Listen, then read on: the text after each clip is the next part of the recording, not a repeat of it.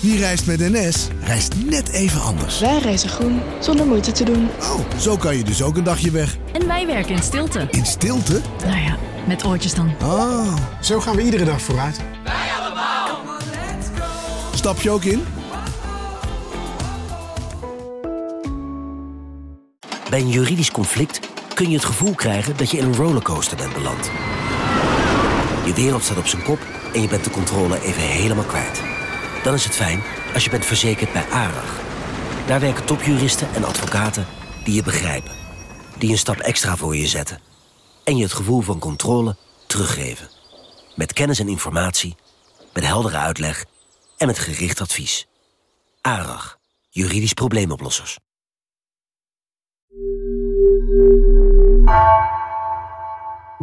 Vanaf de redactie van NRC het verhaal van vandaag. Mijn naam is Floor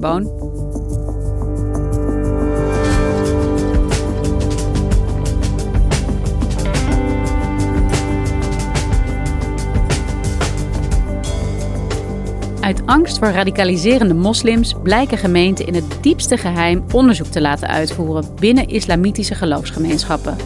Undercover en door een externe partij. Andreas Kouwenhoven, Esther Rosenberg en Romy van der Poel onderzochten deze praktijken. Waarom doen gemeenten dit? En mag het eigenlijk wel?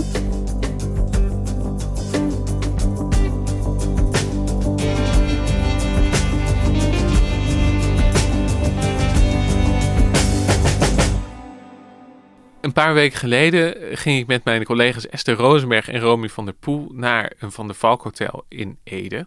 En wij hadden daar afgesproken met een eh, meneer van de lokale moskee daar. En de afspraak had een bijzondere reden, omdat wij over de moskee een geheim rapport in handen hadden dat we aan hem eh, lieten lezen. Nou, eh, dat was nogal een bij- bijzondere ontmoeting. We, we legden hem het rapport voor en ehm, de verbazing op het eh, gezicht van die man werd eigenlijk steeds groter. Hij las daar eh, in het rapport zijn eigen naam. Hij zag dat hij daar eh, een salafist wordt genoemd in het rapport. Hij zei, ik, eh, salafist, ik ben helemaal geen salafist. Hij zag ook nog allerlei andere mensen die dat eh, stickertje op kregen geplakt. Hij zag ook allerlei hele gedetailleerde informatie over de moskee bijvoorbeeld.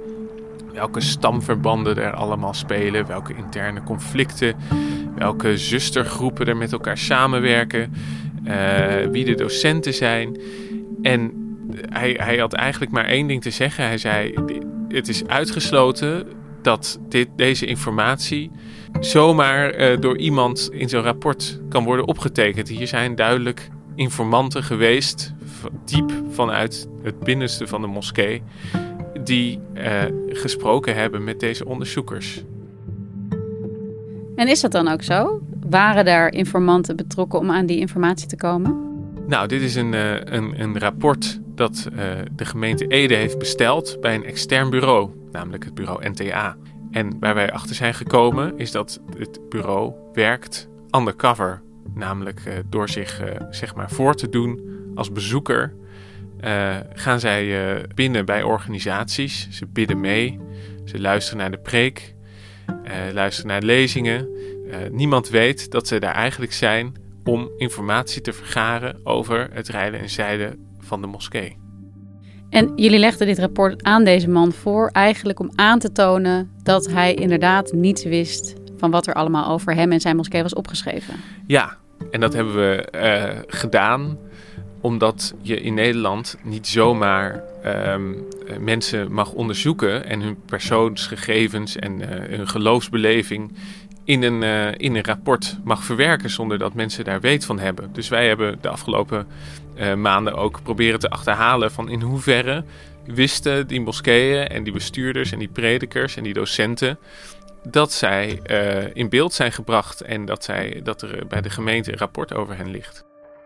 En wij eh, kwamen er eigenlijk achter dat het niet alleen Ede is waarin dit is gebeurd, maar dat er eigenlijk nog veel meer gemeenten in Nederland zijn die een extern bureau inhuren voor undercover onderzoek naar moskeeën.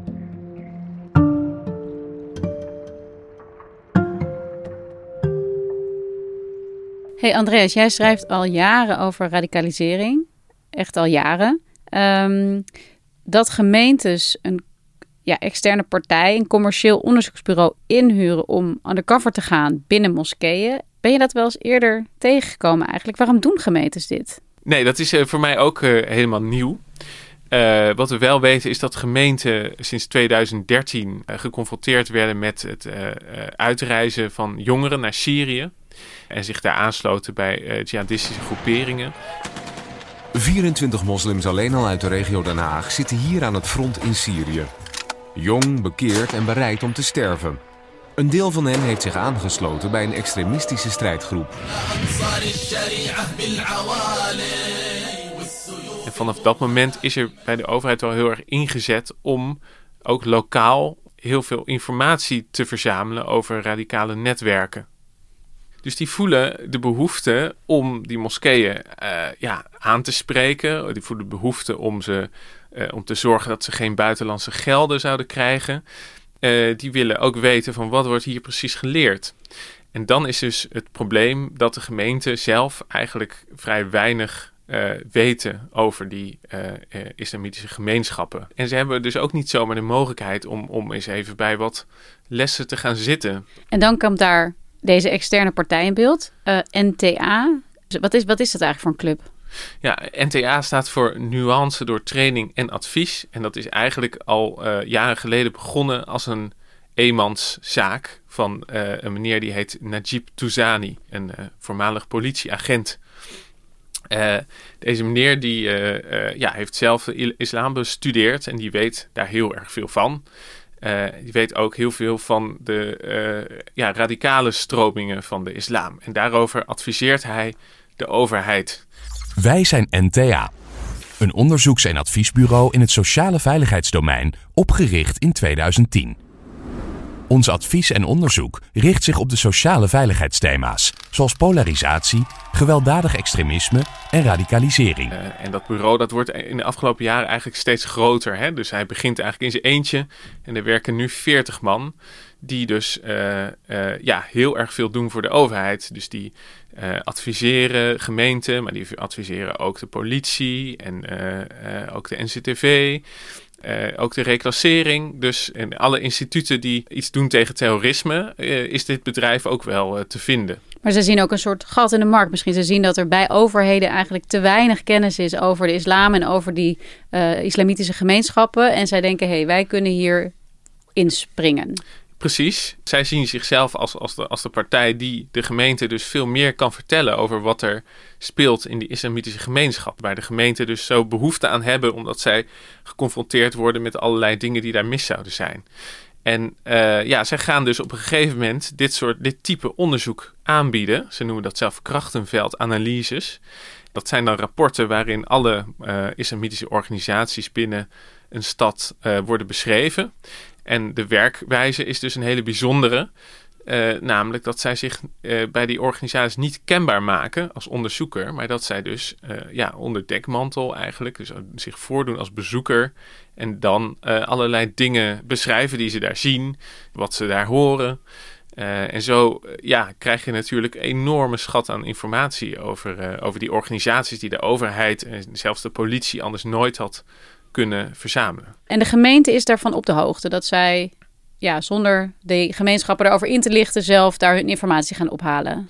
Ja, de gemeenten zijn daarvan op de hoogte, maar het wordt in um, hoe ze dat met de gemeente afspreken wel iets mooier verpakt.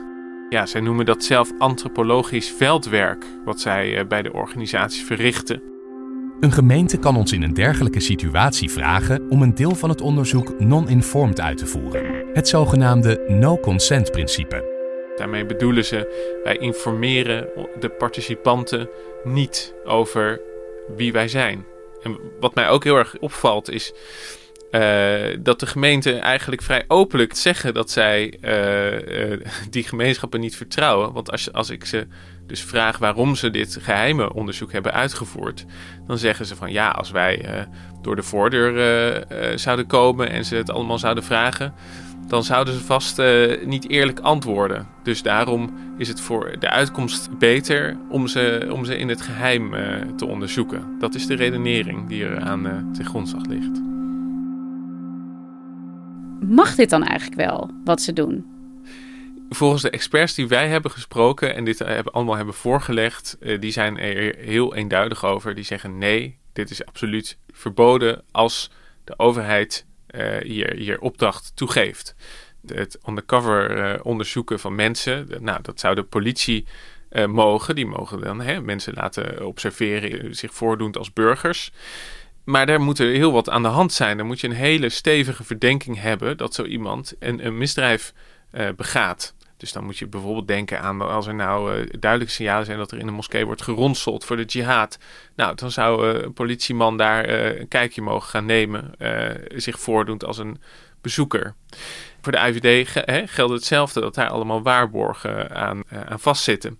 Maar gemeenten hebben volgens deze experts totaal niet de bevoegdheid om vanuit de gemeentewet undercover te gaan. Dus dan mogen ze ook geen andere partijen daarvoor opdracht geven. Imre Schuurmans, hoogleraar staats- en bestuursrecht, die bevestigt dit ook. Uh, heel in het algemeen hebben, hebben bestuursorganen hebben wel onderzoeksbevoegdheden. Dus je kan op heel veel manieren onderzoek doen. Je kan natuurlijk uh, ook bronnenonderzoek doen. Je kan op internetonderzoek doen. En het idee is dat je eerst lichtere middelen inzet voordat je pas mag opschalen naar onderzoeksmiddelen die grootschalig indruk maken op de privacy. Dus als je zo grootschalig data vergaart, ook nog binnen een geloofsgemeenschap, dan kan je dat niet op basis van de gemeentewet doen. Dus je mag uh, hè, wel prima de moskee uh, bij je vragen en, en, en ze wat vragen stellen. Of je stuurt er een gemeenteambtenaar langs. Om, dat, dat gebeurt ook en, en die contacten zijn, zijn er eigenlijk vrij veel. Maar dat gebeurt natuurlijk allemaal transparant. En het cruciale verschil is hier dus dat de organisaties dus achter hun eigen rug om zijn onderzocht. En dat mag dus niet. Dus de gemeente geeft een opdracht die ze niet mogen geven. En dit onderzoeksbureau voert een opdracht uit die ze eigenlijk niet uit mogen voeren. Overtreden ze dan allebei de wet? Volgens de experts geldt dat in ieder geval voor de gemeente. Uh, van de onderzoeken van NTA uh, kun je daar ook uh, je dat heel sterk afvragen. Omdat in de, in de privacywet AVG staat dat als je mensen hun persoonsgegevens verwerkt, bijvoorbeeld in rapporten als je die onderzoekt, dan moeten zij daar op zijn minst achteraf van op de hoogte worden gesteld. En wij hebben vastgesteld dat dat in deze gevallen niet is gebeurd. Hey, en doen alle gemeentes hier aan mee?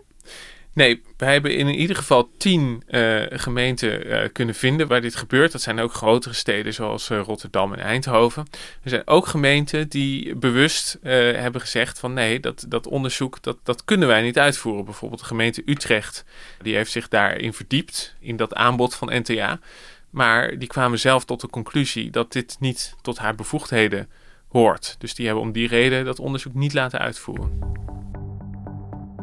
Radicalisering is in Nederland natuurlijk al langer een probleem. Er staan, bestaan veel zorgen over. En ik kan me in zekere zin wel voorstellen dat gemeenten zoeken naar een manier om dat goed in beeld te krijgen. Maar ja, is dit dan de manier om dat te doen?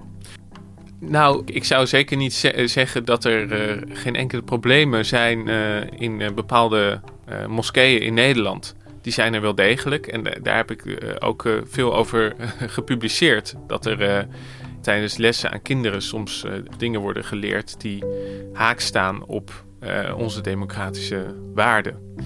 Dat brengt natuurlijk wel met zich mee dat, dat gemeenten voor een moeilijke keuze staan. Want je wil daar natuurlijk wel grip op krijgen. En je kunt niet zo makkelijk tegen de gemeenteraad zeggen van ja, dit, dit, dit gebeurt dan allemaal wel, maar wij doen er niks mee. Hè? Dat is natuurlijk politiek niet uit te leggen.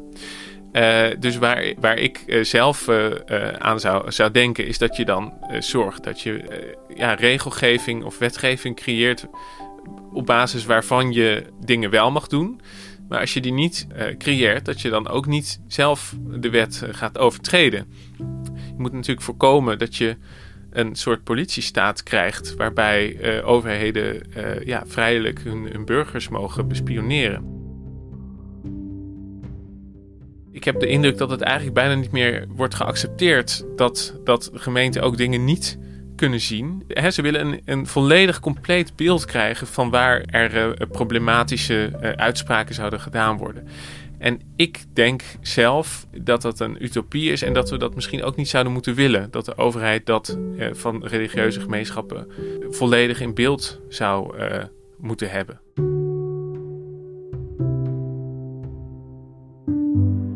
dit zijn hele zware aantijgingen eigenlijk die jullie doen. Of in ieder geval jullie laten zien dat er op, uh, vrij grote schaal de wet wordt overtreden.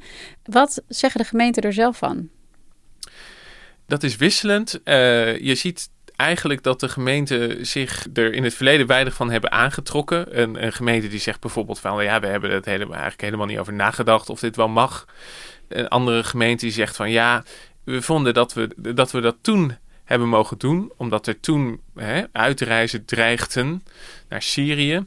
Maar nu uh, zouden we dat niet meer doen, want uh, nu, nu is die dreiging er niet. En zo probeert iedere gemeente er uh, eigenlijk een soort draai aan te geven. Je ziet ook, nu duidelijk is dat wij dit hebben blootgelegd, dat gemeenten de relaties met de moskeeën proberen goed te houden. Dus we hoorden al dat gemeenten weer opeens nu naar moskeeën toe zijn gegaan en, en nederige excuses hebben aangeboden voor dat ze dit onderzoek hebben laten uitvoeren. En dat ze hopen dat, dat het hen niet te kwalijk wordt genomen, want de banden waren toch altijd zo goed. En um, ja, ik zie wel dat er nu uh, door deze uh, onthulling een, een, een soort vertrouwenscrisis dreigt te ontstaan tussen het lokale bestuur en de islamitische gemeenschappen. Er is uh, de afgelopen jaren heel veel in geïnvesteerd in die uh, contacten. Er zijn allerlei sleutelfiguren binnen die gemeenschappen aangesteld, die, die, die dan met de gemeente uh, contact onderhouden. En dat als er spanningen zijn, dat daar overleg over is. ja, dat is hè, de Nederlandse aanpak. Daar wordt Nederland altijd om geprezen, om die softe aanpak. En uh, ja, nu zeggen moskeeën van ja, waarom hebben jullie ons dan achter onze rug om laten onderzoeken? Daar zijn ze allemaal toch wel uh, heel verontwaardigd over. En ze dreigen ook om die samenwerking uh, in zijn geheel stop te zetten. Want ze zeggen van ja, als wij het vertrouwen moeten hebben in jullie, dan moeten jullie dat ook andersom in ons hebben. En wat zegt de NTA? Ik heb begrepen dat NTA ook zelf uh, het uh, contact met de moskeeën uh, opzoekt om de schade te beperken. En in die contacten bezweren ze dat ze absoluut niet undercover zijn geweest in de moskeeën.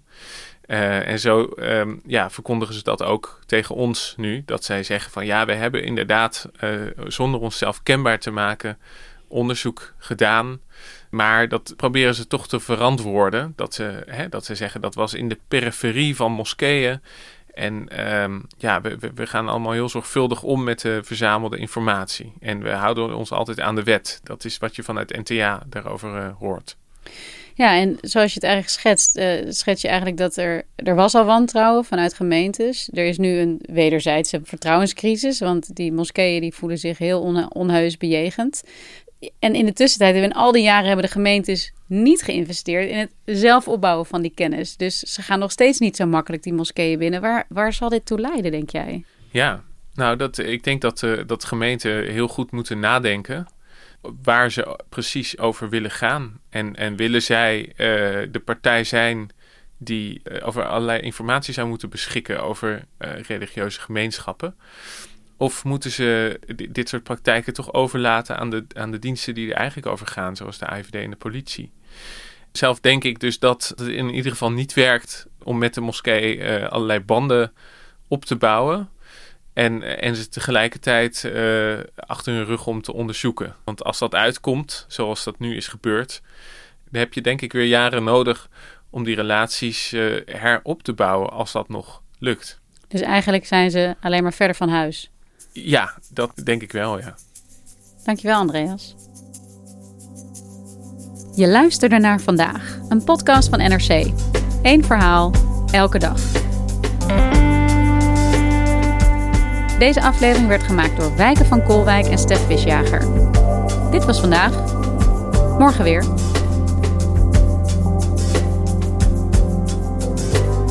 ...25 jaar geleden werd de beruchtste kindermoordenaar van België gearresteerd. Marc Dutroux. Wat is zijn stempel geweest op de Belgische geschiedenis? Journalisten Gabriella Ader en Anouk van Kampen zoeken het uit in de podcastserie De Schaduw van Dutroux.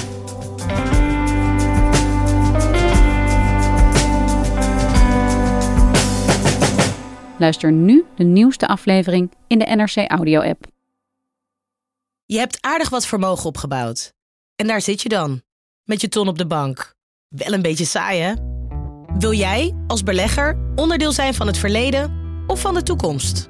Bridgefund is een slimme fintech die een brug slaat tussen de financiële behoeften van ondernemers en van beleggers. Dus wie belegt bij Bridgefund krijgt niet alleen een mooie vaste rente, maar brengt ook ondernemers in beweging. Echt waar, met die ton kan je zoveel betere dingen doen. Bridgefund.